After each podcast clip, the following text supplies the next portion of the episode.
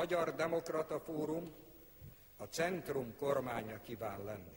A nemzeti szabadelvű hagyományt, amely egyszerre képviselte az egyéni és közösségi szabadság gondolatát. A jólét kiterjesztése valamennyi családra. Ez a nemzeti középkormányának igazi célja. Az az új állam, amit Magyarországon építünk, az illiberális állam. Világkép. A Vitakult ideológiai podcastje.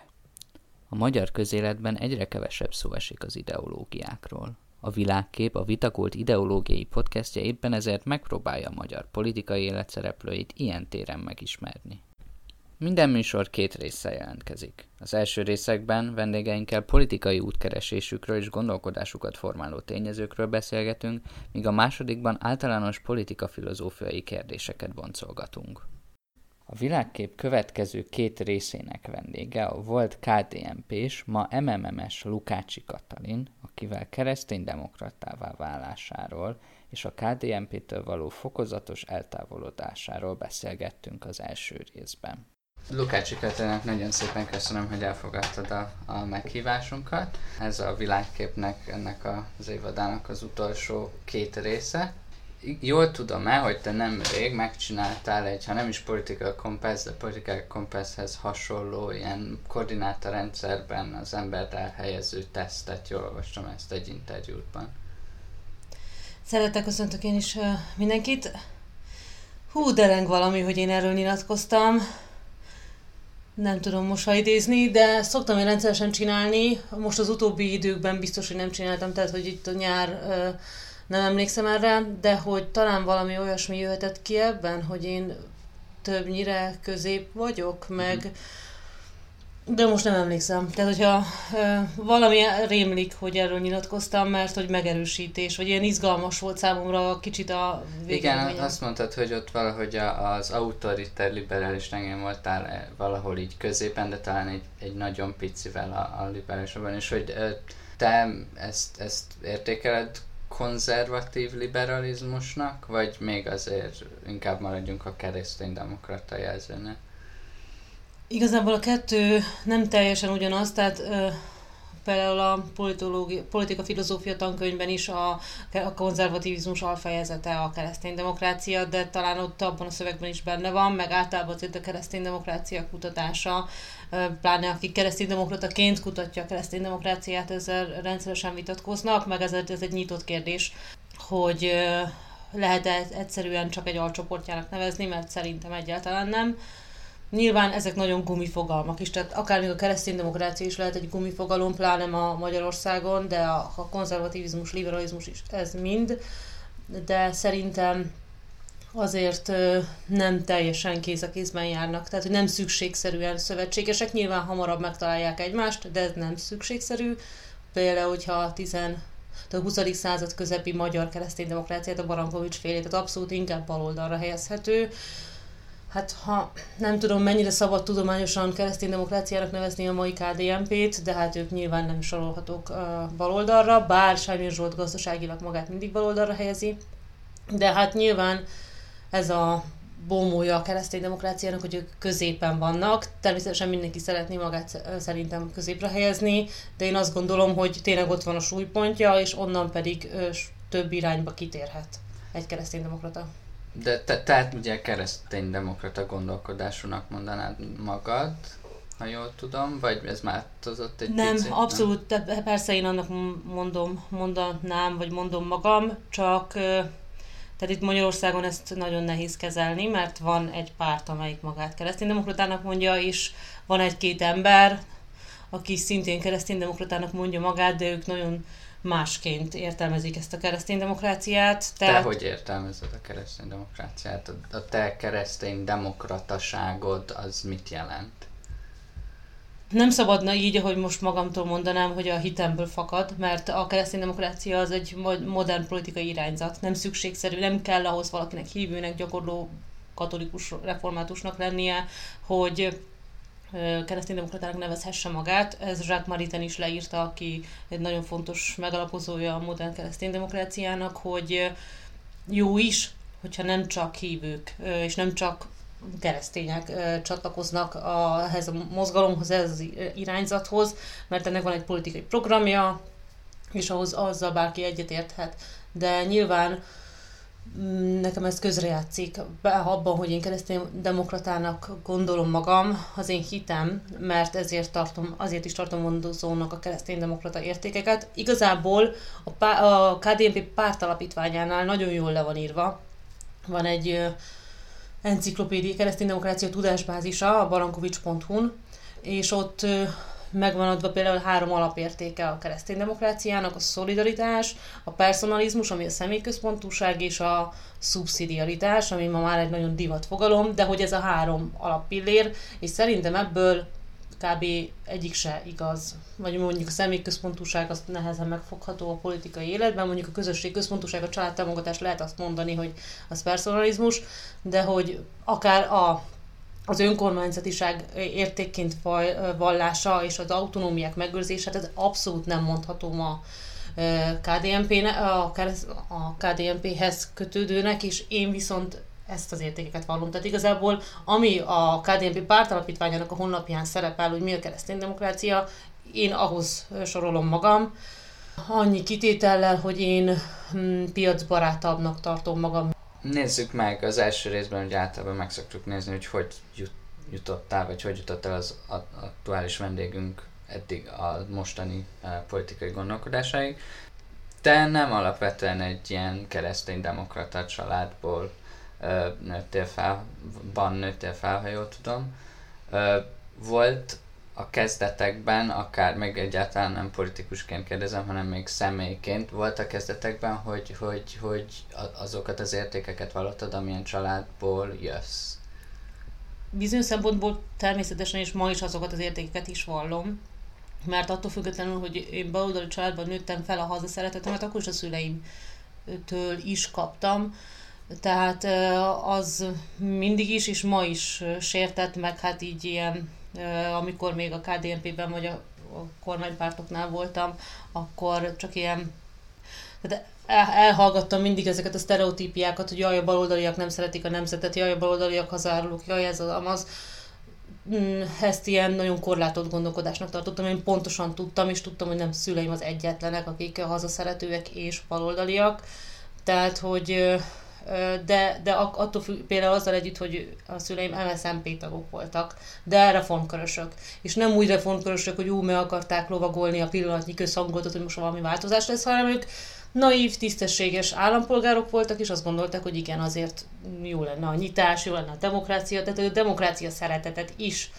kaptam a szüleimtől, tehát ö, függetlenül attól, hogy tényleg elvileg egy állampárt tagjai voltak, tehát ez olyan talán nem túlzás, hogyha ma egy Fidesz tag,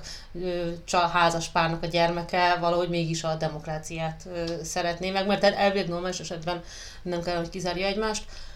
Tehát, hogy az alapértékeimet abszolút a szüleimtől kaptam, nyilván nekem azért mások voltak a hangsúlyok. Meg valószínűleg nem tudom, hogy a szüleim meghallgatják ezt a rádiódást, nem, nem tisztem nekem kritizálni őket, meg könnyű nekem így fiatalként okoskodni, de hogy szerintem nem feltétlenül teljesen reflektáltak meg, hogy ezek inkább családi adottságok, mert például az apukámmal szerintem sokkal inkább kellene egy közös pártban, mozgalomban lennünk, mint hogy ő mondjuk már lehet, hogy éppen nem a MSZP, MSZP tag papíron, de hogy szerintem ő közelebb van hozzám gondolkodásban vagy közelebb van a kereszt, sok kérdésben közelebb van az apukám a keresztény demokráciához, én meg néha kicsit liberálisabb vagyok annál. Nem egészen válaszoltam a kezdeti kérdésedre, hogy én az a,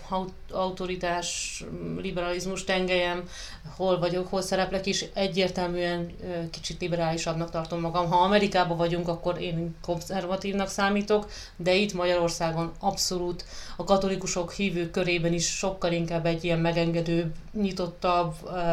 vagy semlegesebb, vagy ilyen úgy értve semlegesebb, hogy az állam lehet semlegesebb nézőpontot képviselek ahhoz képest például apukám konzervatívabb, annak ellenére, hogy egy baloldali párthoz kötődik. Hogy kezdődött el az a folyamat? Akkor így is feltenném a kérdést, hogy, hogy, hogy nem alapvetően egy baloldali közösségben, vagy baloldali eszmerendszerben képviseled azokat az értékeket, amit most felsoroltál, hogy azért lehet baloldalon képviselni. Ez, ez még ez még az, az egyetemen kezdődött, vagy kicsit előtte, vagy hogy, hogy, hogy, vagy mi volt az első olyan jel, amikor azt mondtad, hogy hú, hát akkor lehet, hogy ezt picit más politikai közösségben kellene az én értékeimet kezelni. Talán pont az, hogy a szüleimnek van valamilyen értéke, és ők megérlik valahogyan a világot, de hogy például a saját pártjuk, meg a saját pártjuk ifjúsága azért másként. Tehát én láttam, hogy más, mondjuk mszmp vagy MSZP-s fiatalok miként gondolkodnak, és ott annyira nem találtam meg, láttam meg azt a közösséget, ahova tartozni szeretnék, és az is igaz, hogy én, tehát a szüleim nem csak, hogy például baloldaliak, és én nem lettem az, hanem hogy ők ateisták, és én meg hívő lettem, és gimnáziumba kezdtem el keresni nagyon tudatosan a Istent és a hitet, meg a, lényegében az igazságot, és ez a fajta istenkeresés, meg igazságkeresés is elvitt. Tehát, hogy a hangsúlyok áttevődtek tőlem. Tehát az MSZP-nél azért nem ezek a, meg a baloldali pártoknál nem ezek a hangsúlyos kérdések. Juthatunk ugyanolyan válaszokra, csak nem ezek a prioritások. Normális esetben a demokrata pártoknál az lenne csak a különbség, hogy alapvetően az értékek ugyanazok, csak a hangsúlyokat máshova helyezik. Tehát ezért lehetnek koalícióképesek, és ezért lehet mondjuk koalícióképes a kereszténydemokrata, egy kereszténydemokrata párt is bal, balos jobbos középpárttal, mert az értékek alapvetően ugyanazok, csak a prioritás más. És nekem ezek tevődtek át, és ezért kezdtem el keresni inkább a jobb oldalon a helyem, és én kezdetben ezt az MDF-nél találtam meg, nem lettem soha MDF tag, de, és ma egyébként a jobboldaliaknak ilyen fertő neki szoktak nevezni a Dávidi Bolya korszakot, ugye az a MNDF elkorcsosulása, de nekem ez nyilván nem volt tőle idegen, mert ilyen szempontból egyszerűsítve baloldalról jövök, mert a szüleim baloldaliak voltak, és az kvázi a Dávidi Bolya féle MDF az kettő között volt és tehát kezdtem ott, és akkor utána jutottam a KDNP-hez. Valahol azt mondtad, hogy ugye te filozófiát hallgattál, vagy tanultál politika filozófiát, és ott találkoztál először a keresztény demokráciával, mint fogalommal, mint eszmerendszerrel. Mik voltak úgymond az első ilyen benyomások, impulzusok ezzel kapcsolatban, meg ki volt ez a kereszténydemokrata gondolkodó adott esetben, akinek így az érrendszere, vagy a vagy a dolgok, amiket képviselt, meggyőzött ennyire, vagy elkezdett meggyőzni? Pont ebben a, lehet, hogy ebben az interjúban is erről beszéltem, hogy ebben a politika filozófia, én filozófia, te szabad bölcsészet szakra jártam, nem politika filozófia hmm. volt a szakom, hanem filozófia, de hogy el kellett olvasni a politika filozófia tankönyvet is, és abban, ahogy írtak a keresztény demokráciáról, Akkorban én még nem voltam megkeresztelve, sőt, még a katekumenátust se kezdtem el, tehát ez az előszobája a megkeresztelkedésnek, de hogy az is megerősítette abban, hogy igen, ez az, ami számomra vonzó és ott ilyen általános, tehát szócikszerű megjegyzések voltak, hogy mondjuk igen, a Rerum Novarum, 13. Leopápa, az még persze régebbi veretesebb, nem az, ami annyira modern is vonz engem, de hogy például második János pápápa, Centesimus Annus enciklikái, tehát hogy egyrészt az, hogy a pápáknak, vagy hát akkor is, akkoriban is már szent életűnek gondoltuk második János Pált, hogy tisztességesen is lehet, emberbarát módjára is lehet politikát megfogalmazni, és ez nem naivitás, meg ez nem rózsaszín felhő, hanem igenis merni kell vállalkozni a keresztényeknek is, a hívőknek is, és bárki embernek, hogy tisztességet vigyen, ember, szerethető világot építsen föl, ahogy ezt második János Pál mindig mondta, a szeretet civilizációját építse, hogy nem szabad ezt a küzdelmet feladni, és éppen, hogy ez egy nemes feladat a, az állampolgárok számára, és ez, ez számomra nagyon-nagyon vonzó volt, mert nekem volt bennem, nekem nagyon vonzó volt az evangéliumi emberkép, az evangéliumi üzenet, és akartam ezt a politikában is megvalósítani, és ez mm, adta magát, hogy igen, ez a keresztény demokrácia. Tehát ilyen van ilyen politikai irányzat, és nem, ez nem fiatal lányok butasága, hanem ez egy megfontolt, megfogalmazott tanítás. Utána viszont hosszan nem foglalkoztam kereszténydemokráciával, hanem majd csak később kezdtem el mélyebben kutatni, amikor már a mesterképzésen az eltén, meg főleg a doktorin az eltén foglalkoztam ezzel. És akkor e között az időszakban, amikor először találkoztál keresztény demokráciában, meg komolyan elkezdted kutatni, a között inkább azt mondtad volna magadról, hogy konzervatív vagy, vagy, vagy, vagy attól még, hogy nem mentél bele mélyen, azt mondtad, hogy attól még kereszténydemokrata vagy. Akad, onnantól kezdve én igazából kereszténydemokratának gondoltam magam, vagy az tetszett a legjobban. Tehát ugye nehéz, persze amikor megkérdezik az embert, hogy te mi vagy, akkor kell valamit válaszolni, de hogy én inkább azt mondom, hogy nekem az a legszimpatikusabb, nekem az a hozzám az áll leginkább közel, de hogy én az vagyok-e, az majd a tetteim alapján lehet megmondani. A, az, nem azt mondom inkább, hogy utána nem foglalkoztam a keresztény demokráciával, amikor először olvastam róla, hanem kutatni majd csak később kezdtem el, tehát utána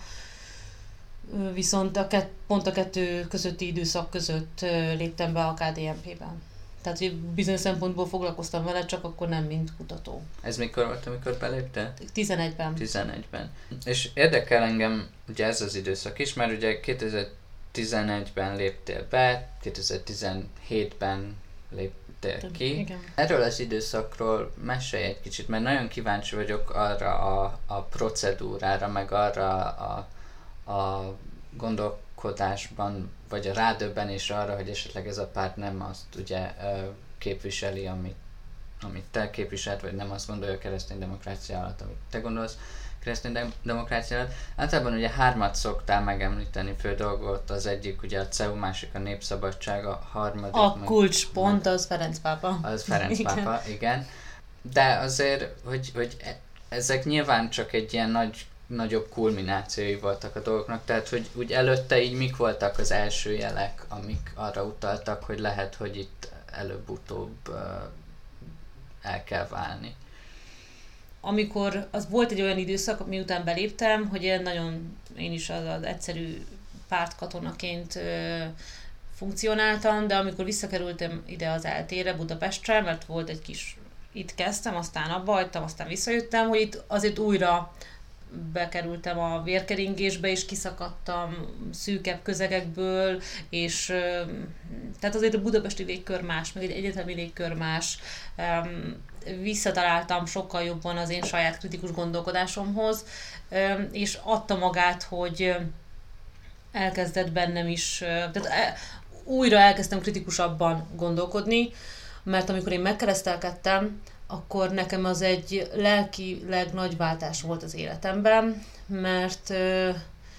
ez 2009-ben történt, tehát ja, igen, idén 10 éve keresztelkedtem meg, és hogy ott nagyon alapjairól akartam meg, úgy kvázi kényszerültem újjáépíteni magam, mert tehát ez a, én nagyon mély, intenzív lelki életet éltem, meg ide, igyekszek élni most is, és politikai irodalomban nem, de a lelkiség irodalomban ez gyakori, hogy amikor az emberek, a hívők átélik a le- lélek sötét éjszakáját, hogy magukról a legrosszabbat feltételezik, mint a Szent Pál is írja, hogy a, leg, a bűnösök között az utolsó ő. És tényleg minden szent irodalmában benne van ez, hogy ő a legutolsó gaztevőnek gondolja magát, vagy gonosztevőnek, és bennem is volt egy ilyen, hogy mindennel szembefordultam, meg mindent kisatíroztam magamból, és újra akartam építeni, és pont ebben az időszakban léptem be a KDNP-be, hogy hát egy hívő embernek akkor a KDNP-ben a helye, és akkor ez kezdődött bennem lassan oldani, hogy attól még, hogy én nem voltam megkeresztelve, tehát ilyen szempontból most leegyszerűsítve megjött, visszajött a józan eszem, ettől függetlenül, tehát ha valaki megkeresztelkedik, nem kell egy ilyen valgapetűt végigírnia, de ez számomra egy nagyon mély, intenzív tanulási és elmélyülési folyamat is volt, és amikor visszataláltam ahhoz, hogy attól, tehát korábbi kérdéseim, korábbi kritikus gondolkodásom is, aként is lehet hívő lenni, meg az, akkor is lehetek Isten embere, akkor kezdtem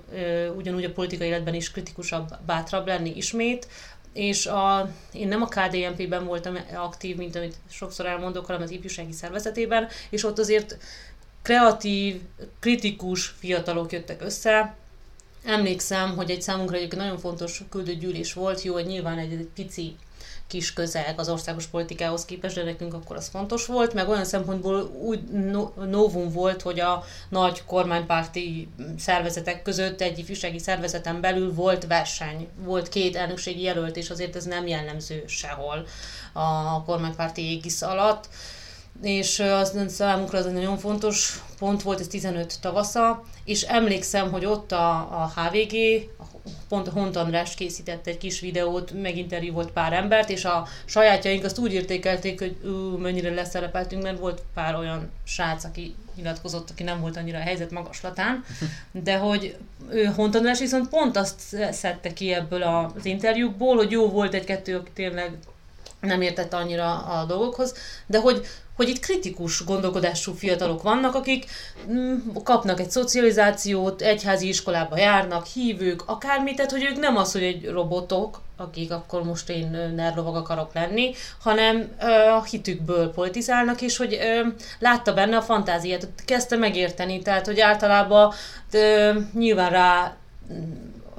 tehát hogy sokat dolgozott ezért a KDNP, és akár az ifjúsági szervezete is, de hogy volt egy sztereotípia, hogy ezek mind sötétek, és a legsötétebb a KDNP, amiért tényleg megdolgozott a KDNP, és, a leg, és akkor az ifjúsági szervezete is ugyanilyen sötét. És akkor oda jött egy, inter, egy külső újságíró, és látta, hogy ezek gondolkodó emberek, csak tök máshogyan jönnek a, a, a földgolyó másik feléről szinte, és tehát, hogy volt egy olyan közeg, ami tényleg amiből ki is születhetett volna valami más is, hogyha a Fidesz és a kormány nem borul el ennyire ebbe az illiberális irányba. Tehát, hogyha ez nem lett volna egyértelmű, nem, szerintem nem volt egyértelmű, de hogyha nem így történt volna, hogy tényleg így behúzunk Putyin felé, most leegyszerűsítve, a, akkor ez a generáció hozhatott volna egy sokkal CDU-sabb KDNP-t mondjuk. És én ebben bíztam, sokszor felrólják nekem, hogy úristen, én csak egy toll voltam a, még a KDNP-ben sem, nem is voltam ott senki, és mennyire de nem szabad engem politikusnak nevezni, stb. stb. stb. Tudatosan nem kirincselgettem pozíciókért, meg nem azért dolgoztam, hogy úristen, én legyek valamelyik jelölt valamelyik körzetben itt ott, ott mert annyira azért nem tudtam a jelen politi- az akkori jelen politikával ö, azonosulni, de megtaláltam a saját arculatomat. Tehát én nagyon fontos rendezvény, vagy fontosnak ítélem, rendezvényeket szerveztem a keresztény zsidó párbeszéd jegyében. Nagyon fontosnak tartottam azt, hogy bontsam azt a sztereotípiát, hogy a jobboldaliak mind antiszemiták, a katolikusok mind antiszemiták, és hogy és a én közegemben is próbáljam bontani azt, hogy a zsidóság az tényleg ilyen gyanús dolog, ami egy kicsit így, ha mondom, ha ellentmondás, de most ezt mindenki értse jól. Tehát, hogy ezt egy fontos missziónak tartottam, nyilván nem csak ezeket a rendezvényeket szerveztem, hanem több más jellegűt is, és mm, tehát, hogy én megbecsült szereplő voltam ott a, abban a közösségben, meg tehát munkabírá, komoly munkabírású, meg gondolkodó ember, csak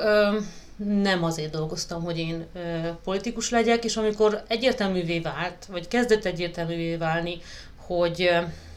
tiszta lelki ismerettel, nem csak, hogy akkor az, hogy nem vállal pozíciót, ez egy dolog, meg nem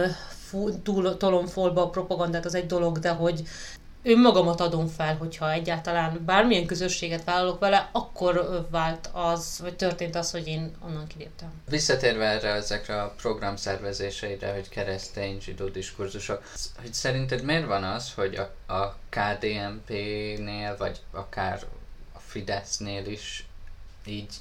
ez a totális, ez ehelyett az ilyen kereszténységben egyébként magától benne lévő értékre, hogy nyitottabbak vagyunk a más vallású kultúrai emberekre is beszélgetünk vele. Miért van az, hogy ez, ez, ez így totálisan az ellenkező irányba ment? Nagyon hizelgő, amit mondasz a kereszténységről, ugye az nem volt mindig így, hogy ennyire nyitottak lennénk a párbeszédre, tehát hogy nagyon véres, kemény tanuló folyamat volt az egyháznak is, és főleg az egyháznak, hogy nem legyakjuk azt, aki másként gondolkodik, hanem esetleg párbeszédet alakítsunk ki vele, és ebben nagyon fontos volt pont annak a Jacques Maritennek is a szerep, akit említettem, a 20. századi fontos francia gondolkodó, akinek a tanítása, eszmélyisége beépült a második vatikáni zsinat értékei közé, és ez volt az egyik, ez a párbeszéd tan, vagy párbeszéd gondolat, a dialógus, mint az érték. Hatodik Pál emelte ezt nagyon zászlóra, és tehát, hogy ez a 20. századi katolikusság már igazából az, meg a, már a 21. századi, hogy tényleg, ez a pár, tényleg ilyen nyitott a párbeszédre, és fontosnak tartja a vallásközi párbeszédet is például Egyébként ez nyilván benne lett volna mindig az evangéliumban, de hát... Erre um, utaltam egyébként. É, tehát, hogy Heller Ágnesnek van egy fantasztikus könyve, a zsidó Jézus feltámadása, és ott fejtegeti ezt, meg nyilván ennek van irodalma, hogy az emlékezet hogyan működik, hogy nem tudatosan, de valahogy egyszerűen passzusokat a Bibliából és bármilyen szövegből elfelejtünk, és akkor történik valami, és akkor hoppá, észreveszünk, hogy ez a szöveg ott van a Bibliában, és akkor felfedezzük például, hogy Jézus zsidó volt, mert sokáig ezt nem vették tudomásul, vagy hogy kezdünk máshogy értelmezni szövegeket, és így adódott ez is, hogy egyszer csak rájöttek a katolikus atyafiak, hogy na hát, a vallásszabadság az nincs szembe a kereszténységgel, mert hogy az emberi méltóságból fakad. Hogy a KDNP ehhez képest miért megy ezzel szembe, ez egy furcsa kérdés, mert persze mi így kívülről azt mondjuk, hogy na hát ezek tényleg ilyen szemellenzősek, korlátoltak, nem is keresztények, de ők abszolút úgy élik meg, hogy ők nagyon párbeszédet folytatnak, mert ugye én is akkoriban nagyon sokat több rendezvényt szerveztem, például Köves Lomó vezető rabbival, aki azóta már tényleg nagyon jó kapcsolatot ápolt, épített ki a kormánypártiakkal, de hogy akkor ezek új kezdőlépések voltak. És ö, külső szemlélőként, ö, ellenzékiként azt mondjuk, hogy akkor lett egy NER zsidó közösség, meg van egy ellenzéki zsidó közösség, és akkor e, emiatt nem érzékeljük azt, hogy ők valóban párbeszédet folytattak egy más vallással, mert az igazából a NER egy magán belül. De a KDNP-sek nem élik meg úgy magukat, hogy ők nem folytatnak párbeszédet, mert mindig van valaki, aki szóba áll velük, meg akikvel lehet párbeszédet folytatni, és ezek nem is feltétlenül értéktelen eszmecserék, csak hogy ez talán jobban megnyilvánul például az ilyen különbség, vagy hát nem, most már nem szabad devianciának nevezni, bocsánat, meg én sem gondolom annak, tehát hogy a, mm, például a homoszexualitással való viszony, mert ott azért tényleg nem tudnak még felülemelkedni um, a keresztényetlen meghatározottságukon, de ott, ott is felháborodnak azon, egy KDNP Pizsó nem tartja magát homofóbnak, attól függetlenül, hogy egyébként mm, legalábbis nagyon homofóbhoz hasonló nyelvezetet használ. Most nem Boldog Istvánra gondolok, vagy az ilyen tényleg a legelburultabbakra, hanem az értelmiségi olyan fiatal, mondjuk itt van a 777 blog, ami egy katolikus blog, mm. konzervatívabb. De azért nem lehet azt mondani, hogy ők bárki gyűlölködnének, hanem tényleg egy konzervatívabb katolikus meghatározottság vagy világképet örökölnek át, és ez még mm, rárakódik a politikai, pártpolitikai vita. És ez a probléma, és ez a szomorú, és a keresztények feladata a társadalomban pont az lenne, hogy az ilyen nagyon érzékeny kérdéseket egyrészt depolitizálják, ha lehet, de másrészt a pártpolitikától a lehető legtávolabb tegyék, mert különben hát a legártalmasabb, ha azt nézzük a magzatokra nézve, hogyha abból pártpolitikai kérdést csinálunk, mert nem szabadna, nem szabadna világnézeti kérdéseket ö, kreálni a legszemélyesebb, legintimebb, legértékesebb kérdésekből, és ezt, ez, ez, a, ez fáj nekem, és ez fáj egyébként a nem hívő embereknek is, akik szimpatizálnának a keresztény értékekkel, de azt látják, hogy ilyen fafejű módon képviseljük ezeket az értékeket, ehhez, ehhez egy érzelmi intelligencia, meg politikai kultúra, vitakultúra kellene, hogy a, azok a szereplők is belássák, hogy oké, rendben van, te nem vagy gyűlölködő, de nem tudod még megfelelően képviselni ezeket az értékeket. Nekünk, katolikusok, fiataloknak méltóvá kell válnunk ahhoz, hogy ilyen súlyos értékeket képviselni tudjunk a társadalomban. Uh-huh. Ugye ki, többek között gondolom ezekért is ugye 2017-ben kiléptél a KDNP-ből. Lehet-e egy olyan, olyan gondolatot megfogalmazni, hogy alapvetően a keresztény demokrata gondolatokat minden esetben, akármilyen minőségű is az adott párt, jobban lehet párton kívül megfogalmazni, hiszen, hiszen a pártérdek adott esetben bármilyen őszinte is szembe mehet a, a megfogalmazott és konkrét értékekkel, és a kereszténydemokrataság azért egy elég erősen értékalapú ideológia, vagy, vagy, vagy politika, filozófia, világnézet. Ennek a kérdésnek két szála van. Az egyik az, hogy a vita van azért a körül, hogy a keresztény szót helyesen használni a politikában. A keresztények között is, akár, egy kereszt, akár bennem is vita, vagy vívódok azon, hogy helyesen használni a keresztény szót a politikában. Várszegi Esztrik főapát úr mondta azt, amikor csináltam vele interjút a szakdolgozatomhoz, hogy ez ő szerint teljesen helytelen. Még Hölvény György is, akkor államtitkár volt, nyilatkozt,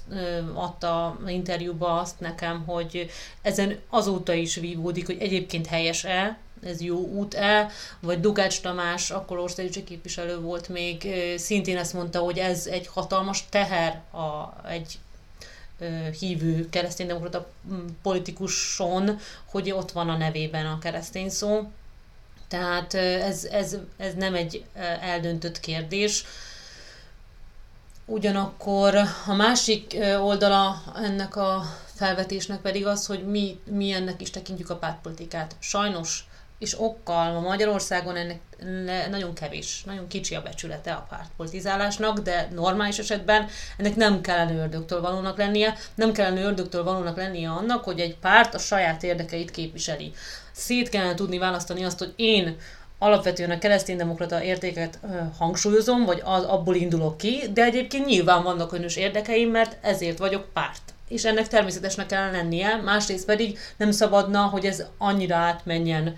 olyan cínikus önzőségbe menjen át, mint amit látunk a mai kormánypártoktól. Tehát, hogy normális esetben ez nem volna ördögtől való, én el tudom képzelni azt, hogy lehetne úgy kereszténydemokrata politikát folytatni, hogy attól függetlenül a, a párt az tényleg nem egy jótékony szervezet, hanem az egy párt. És hogy ez lehet a helyén kezelni, nem, feltét, nem negatív dolog az, ha egy párt a saját érdekeit képviseli, amíg az nem megy szembe a közérdekkel. Viszont még egy szálat hozok be, ezt ö, felvidékről hozom kicsit más téma, de talán párhuz érthető lesz, hogy nem jut eszembe a plébános neve, aki az ottani magyar közösséget vezette Kassám, és kérdeztük tőle, hogy van-e saját külön magyar plébánia a Kassán, és tiltakozott föl, hát, hogy Isten ments, hogy külön plébániába zárjuk be a magyarokat, mert akkor csak ott lesznek, és akkor a többi elkallódik, tehát akkor az beszűkül egy helyre. És erre mondom azt, hogy ilyen szempontból kvázi ez is egy beszü- bezárjuk egy helyre a keresztény értékeket, hogyha megnevezünk egy irány, vagy egy, nevezünk egy pártot, hogy ez a keresztény. Pedig nekünk az lenne az érdekünk, hogy, és az, igen, ez lenne az érdekünk, hogy nem mi vagyunk a keresztények, hanem mindenkit kvázi keresztényé kell tenni. Nem szabad azt mondani, hogy mi vagyunk és csak mi vagyunk, hanem mindenkit be kell emelni ebbe a alapvetően közös értékrendszerbe, és én kicsit egyébként, és ebben vagyok én talán kicsit optimistább, meg liberálisabb, mint egy átlag hívő, vagy egy átlag katolikus, hogy én az európai civilizáció jelenállását még akkor is, hogy a vérmesen ateista, jó, ez egy közhely, amit Antal mondott, hogy Európában az ateista is keresztény, de ezt abszolút komolyan gondolom. Az, hogy tehát az embriók nyilatkozata, az unió alapértékei, az, hogy a keresztény demokrácia alapértékeit vallja az unió alapértékeinek, ez is ezt mutatja, hogy a mi civilizációnk az keresztény, nem kell ahhoz meldöngetően keresztényeknek lenni.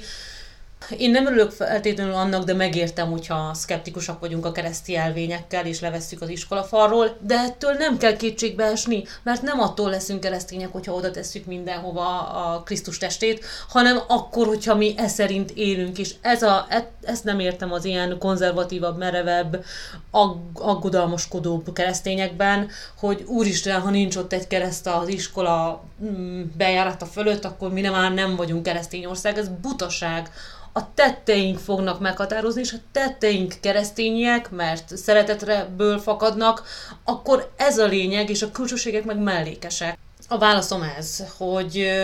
le, én szerintem lehetséges kereszténydemokrataként politizálni, de nem feltétlenül, egyáltalán nem gondolom ezt üdvözítő, egy, egyetlen üdvözítő útnak. A válaszod közben kitettél arra, hogy, hogy mennyire úgymond nyitottnak kell lenni mindenki felé, és, és ezt próbálod is eltenni, elvégezni. Ugye te, ha jól emlékszem, nem tudom, hogy azóta voltál, de két éve biztos be is jelentetted, hogy elmész a Pride Ride-ért, hogy a saját előítéleteiddel szembenéz, és mert hogy egyébként is a, a LMBTQ közösség mennyi sok gyűlöletet kaphat maga irányába. Azt szeretném kérdezni, hogy úgymond sikerült-e a saját előítéleteidet való szembenézés, vagy a, és a bizonyos esetekben mondjuk megcáfolni az előítéleteidet? Nem is az előítélet a jó szó, hanem a saját, enne, saját ellenérzéseimet ö, lebontani.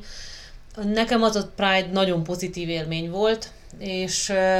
ö, egyszerűen hihetetlenül mai napig is veszekszem még, hát valaki emiatt tiltott le, vagy vett le um, ismerettségből a Facebookon, mert hogy azt mertem mondani, hogy a Pride az nem egy fertő. Tehát annyira na, ezeket az ostoba mémeket, amiket, hogyha a Fidesz oszt meg, vagy hogyha terroristák használják fel, akkor az emberek átlátják, hogy jó, ez egy mém, ez egy Photoshop, ez egy nem tudom micsoda, hoax, stb. De hogyha Pride-ról, akkor ott megáll a tudomány, és jaj, nem, ez így történt, ez igaz. És tehát egyszerűen hihetetlen. És ilyen szempontból kicsit, azért so, sok gyarlóságom van, és sok hibát követek el én is a politikai életben, és ilyen kicsit, ilyenkor egy picit megállok, és hálás vagyok az örökkévalónak, hogy ha ez politikailag, és nem feltétlenül tűnik az, hogy kifizetődő, mert rengetegszer támadnak, vagy vesznek elő emiatt, de pontosan tudom, hogy ez egy jó ügy, és legalább olyan jó érzés, amikor olyan dolgért támadnak, ami jó ügy. Tehát, hogy amikor tényleg áldozatot vállalok valamiért, ez ilyen szempontból megerősítő. Mm, számomra nagyon legnagyobb hatással egyébként a fél éves uh, izraeli meg Tel Avivi kintartózkodásom volt, tehát hogy nyilvánvalóan uh, enyhült vagy nyitottabbá vált a gondolkodásom. Uh, én is tudatosan dolgozok magamon, állandóan a lelki életemből is fakad, hogy uh, amikor, amint felismerek um, ilyen ítélkező, meg tehát nem a szeretetből fakadó gondolkodás magamon, akkor azt szeretném lebontani. Az jó élmény volt, és láttam, hogy ott e, teljesen, az egy békés népünnepé volt, semmi, semmi különös, semmi megbotránkoztató, vagy hát nem volt sokkal több megbotránkoztató. Nem volt annál megbotránkoztató, mint hogy Pócs János, a Jász Jézusos Pócs János, vagy a cigányégetős, hát jobban hangzik, Pócs János húsvéti gyertyát vissza templomban. Tehát, hogy ennél nem volt megbotránkoztató a Pride-on, ha ezt veszük. És nagyon fontos ügynek tartom. A Léderer András írta ki nemrég a Facebookon, hogy mennyire időszerű volna, és vagy késlekednek ebben a politikusok, hogy a Fideszes holdudvarból azért egyre többen beleállnak, felhasználó. Tehát nagyon a gyűlöletkeltő megjegyzéseket tesznek a melegekkel kapcsolatban, és hogy mindenki hallgat, meg nem foglalkozik vele, meg nem kezeli, a sú, nem, mint hogyha mit tudom én, nem ezt nem írta, csak mondjuk a cigányokról, vagy a, akár a zsidókról, vagy nem tudom milyen csoportról írnának ilyet, akkor lehet, hogy jobban fellátnának, de hogy ez a melegeket kritizálják, az jobban elcsúszik, és hogy ezt rótta meg az ellenzéki politikusokat, hogy igenis egyedül érzi magát, és hogy nagy felelőssége van az ellenzéki politikus politikusoknak is, akkor is, hogyha nyilván nem ők vannak hatalmon, hogy ezt azt mondják, hogy nem, ezt nem szabad. És teljesen jogosnak éreztem a kiírását, és elgondolkodtam azon, hogy mit lehet tenni. Ugye azóta volt ez a Coca-Cola kampány, amit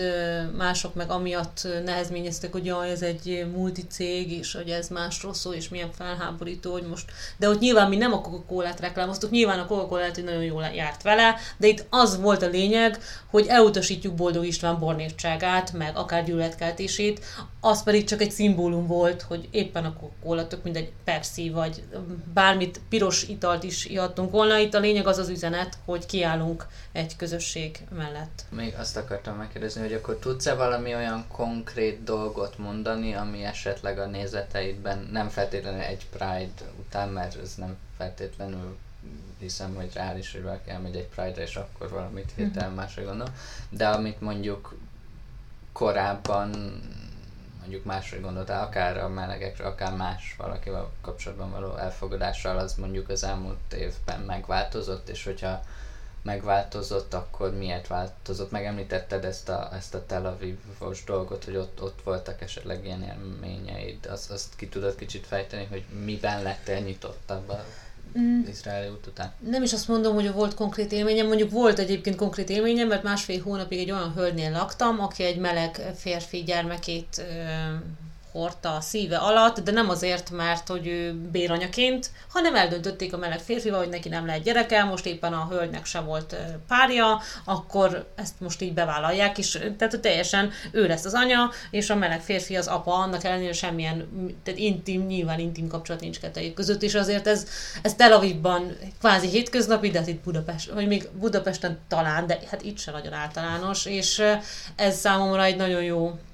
kihívás volt, hogy ezt, ezt kezeljem valahogy, mert hát nyilván nekem azért az egyház társadalmi tanítása, meg akár szexuálitikája, vagy házasságtana, tehát az eléggé konzervatív, elég merev, és nyilván um, sokszor ezt nem értik meg a liberálisabb gondolkodók, hogy ó, ezek mind homofóbok, mondjuk itt van szegény Hodász András, akit megkurcolták, jó, hát mondhat hülyeséget, meg gondolhat hülyeséget kívülről nézve, tehát tudomásul kéne venni szerencsétlenek, ott van a katekizmus, ott azért az eléggé keményen fogalmaz be benne, és attól ő nem térhet el, viszont uh, abban meg eltérhet, és nem is eltérhet, mert a katekizmus is ezt követeli meg, hogy emberségesen viszonyul hozzá, de szerencsétlen, tehát hogy egy katolikus nagyon jelenleg még nem újítottuk meg, a, vagy nem olvassuk máshogy a dogmákat, hogy egyszerűen nem tud mást mondani, vagy nem lehet más mondani, mint hogy ezt ez illető például nem élheti meg a homoszexualitást, ha, hogyha az egyház talaján áll,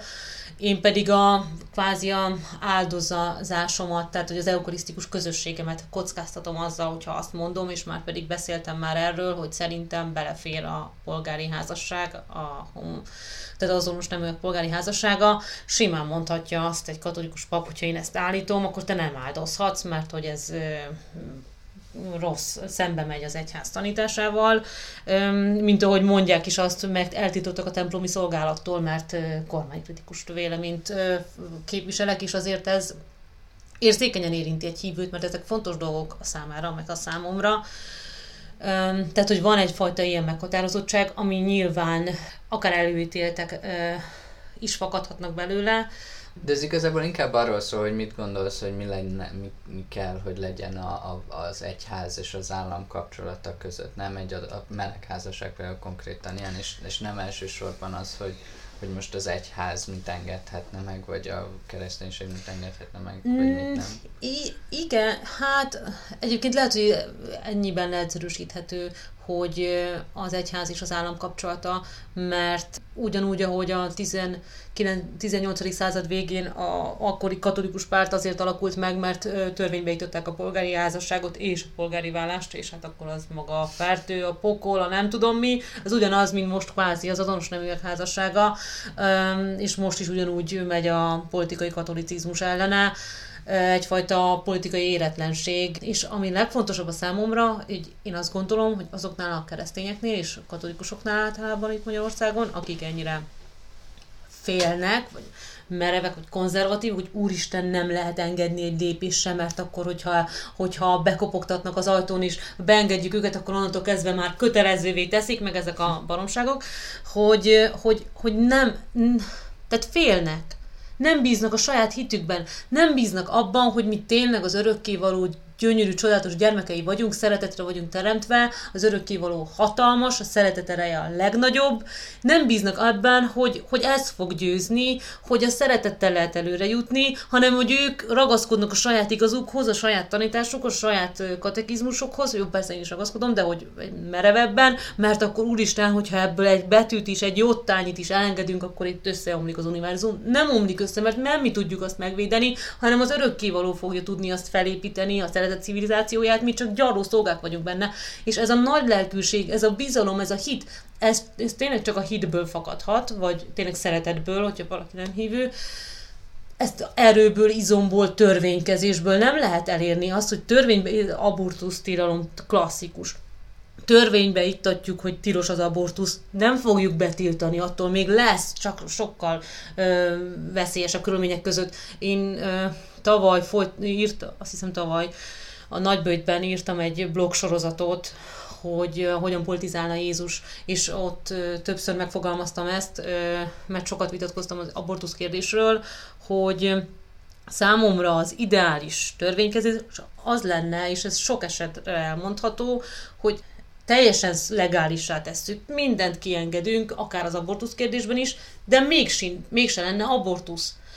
mert nem azért kell valakinek ö, valamilyen életet élnie, mert kú, meg van tiltva, vagy különben börtön, vagy nem tudom, nem áldozhat, hanem azért, mert ő nem akar. Mert az em- nincs olyan ember szerintem, vagy egy ezrelék, aki örömmel hajtana végre magán abortuszt, és ezt nem értik meg az emberek, vagy felülnek a gyűlöletkeltő propagandára, hogy jaj, igen a szingli hordák, akik csak úgy járnak, a, beugranak egy boltba, és akkor abortuszt hajtanak magukon végre. Általában az emberek döntő többsége, és ez is, ez a szinglizés is mekkora baromság, már bocsánat, ö, itt vagyok én is, egyedülálló vagyok. Nem azért vagyok egyedülálló, mert utálom a férfiakat, vagy ö, nem akarok soha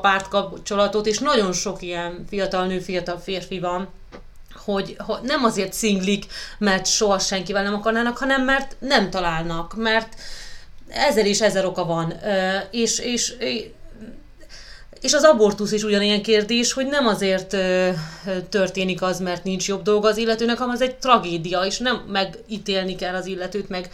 nem az a segítség, hogyha mi betiltjuk, hanem teljesen más szemlélettel kell ehhez hozzáállni. Nyilván az, a homoszexualitás az egy teljesen másik kérdés. Most arról fakadt vita, hogy akkor most van-e ilyen gén, vagy nincs ilyen gén. Ez a nehéz kérdés, akár az abortusznál is vannak ilyen tudományos kérdések, amik nem tudom, hogy valahogy is eldöntetnek-e. Ugye ezek a világnézeti kérdések, hogy honnantól származik az emberi élet. Tehát nyilván, hogyha mi a tudomány eljutna addig, hogy már a fogantatástól az ö, polgárjoggal rendel, vagy emberi joggal rendelkezik, akkor az tényleg gyilkosságnak számít őt megölni. De, de teológia, tehát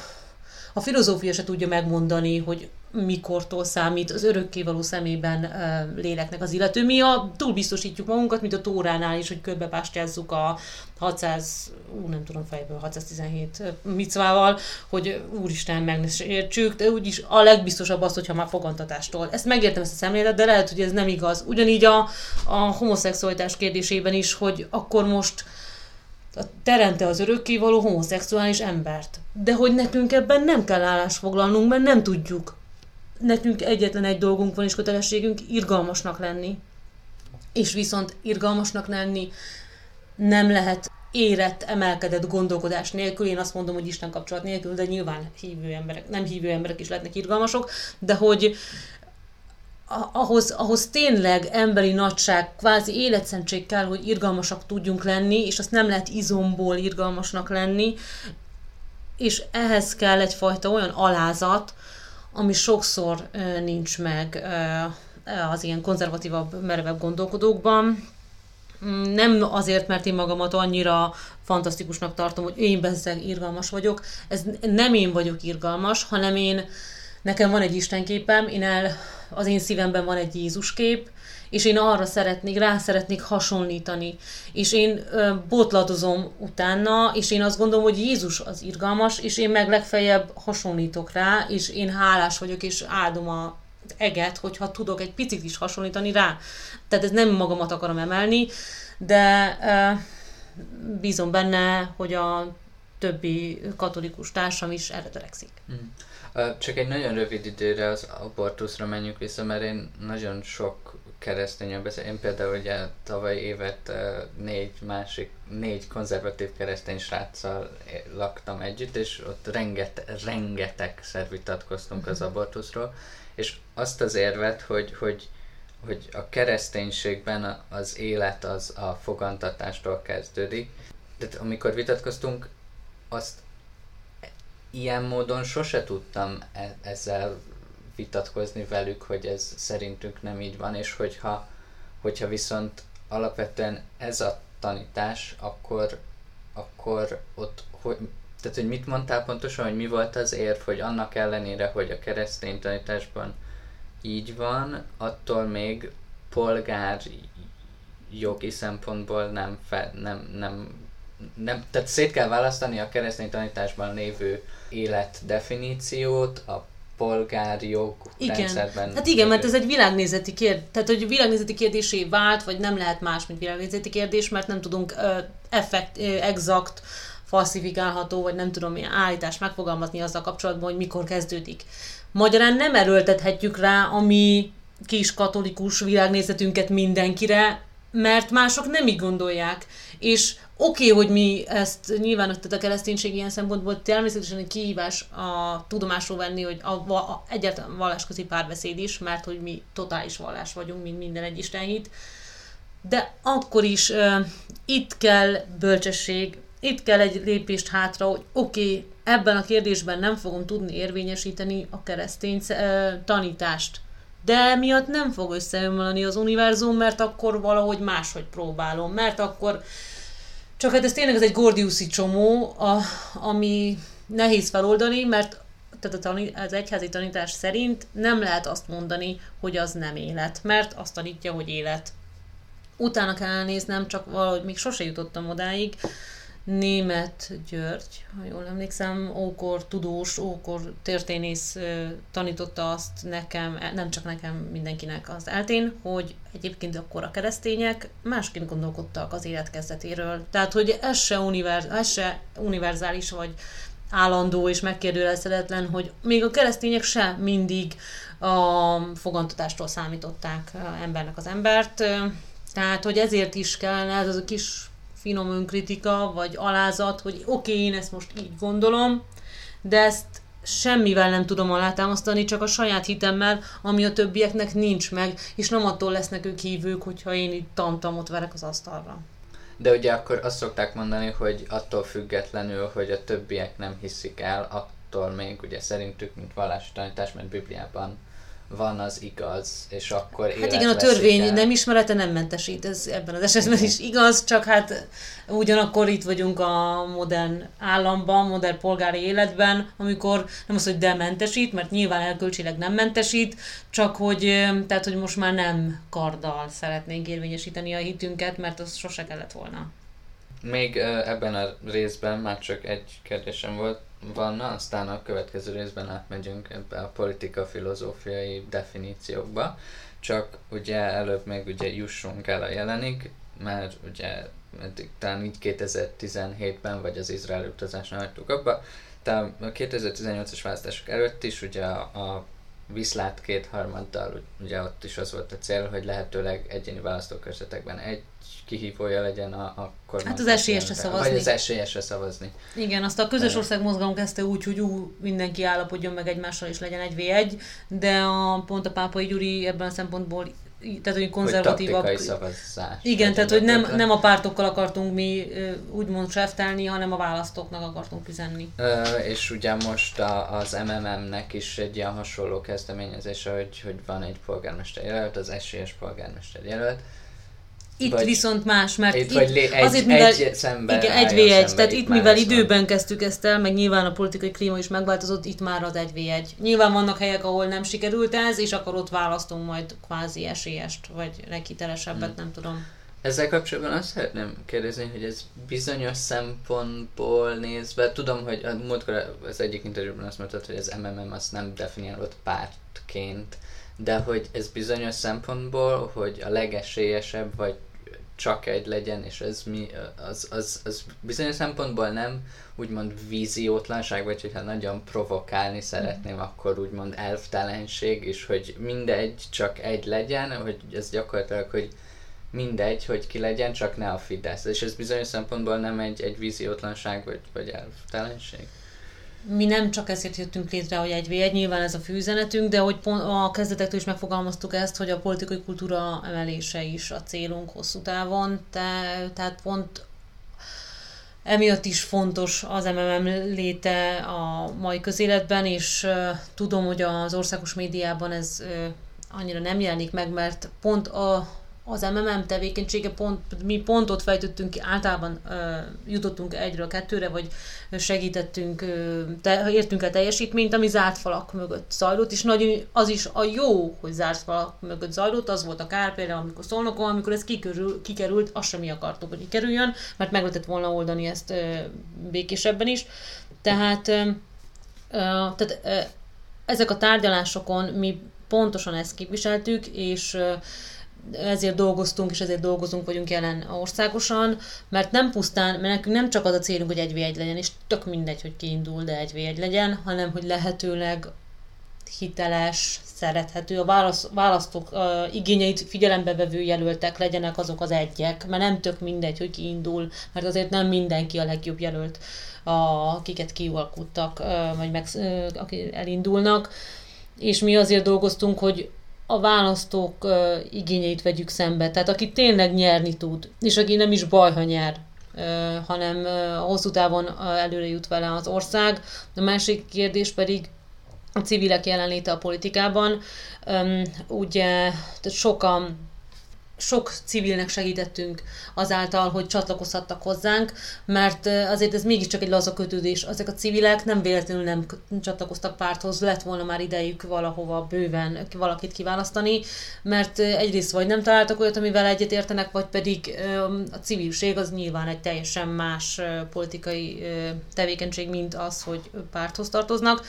és viszont tudtunk segíteni, hogy nem lesznek egyedül, nincsenek egyedül, és ez nagyon fontos a mai nerben, hogy egy magaként szembe a nerrel borzasztóan nehéz. De ha tudja, hogy itt is, itt is, itt is vannak még polgármester jelöltek, és együtt dolgozhatunk, összetartozunk, akkor az, az erő, az biztonságot ad a számára, másrészt pedig nagyon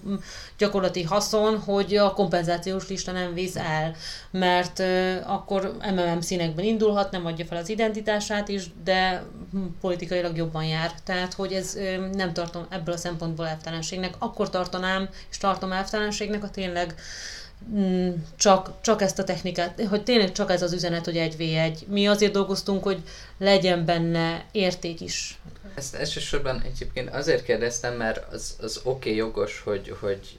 azt mondtad, hogy a, hogy a választó polgárokat figyelembe veszik, mert, való, mert ugye népszerű. Csak például én most például Óz példáját mondom, esetleg Janica Dávidot, aki, hogy érték alapján, attól függetlenül, hogy ő milyen népszerű a választókkal, azért voltak olyan megjegyzései, meg megnyilvánulásai a, a múltban, amitől én nem hallottam, hogy mhm. elhatárolódott volna, legalábbis nyilvánosan semmiképp se, Ettől függetlenül ugye ott van az MMM honlapján, mint igen. mi polgármester Az igen, én voltam ott, amikor bejelentettük Jani Csak Dávidot. Ez a másik pont, ami szerintem fontos, hogy ne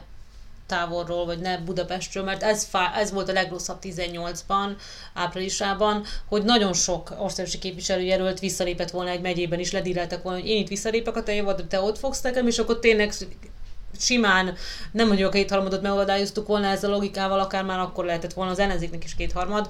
csak akkor a pártközpontok befeszültek, hogy már pedig nem. Mi, mi diktálunk, ti maradjatok csöndben. És most meg uh,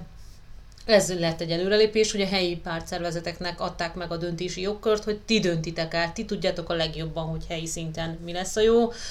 Az a másik probléma, amikor a, nem az nézi a helyi szervezet, vagy a helyi egy, egy-két illető, hogy mi a jó a köznek, ki tényleg az ó, potenciális jó jelölt, hanem az, hogy de én most itt az 1v1-ben végre megnyer. Eddig, eddig nem választott meg a kutya sem, meg nem kellett volna senkinek, de most, most végre megmászom a hullámot. Tehát ez annyira nem jó szemlélet,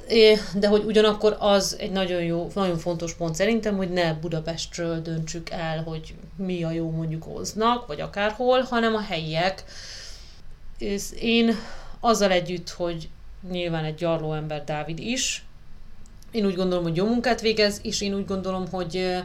nem állna ott mögötte akkora széles spektrumú közösség, és még roma jelölt is van a csapatában, hogyha ő tényleg egy utolsó az ember vállalhatatlan mm, politikus lenne. Tehát hogy én ebből a szempontból abszolút tiszteletben tartom a helyiek döntését. Köszönöm szépen, a következő részben folytatjuk.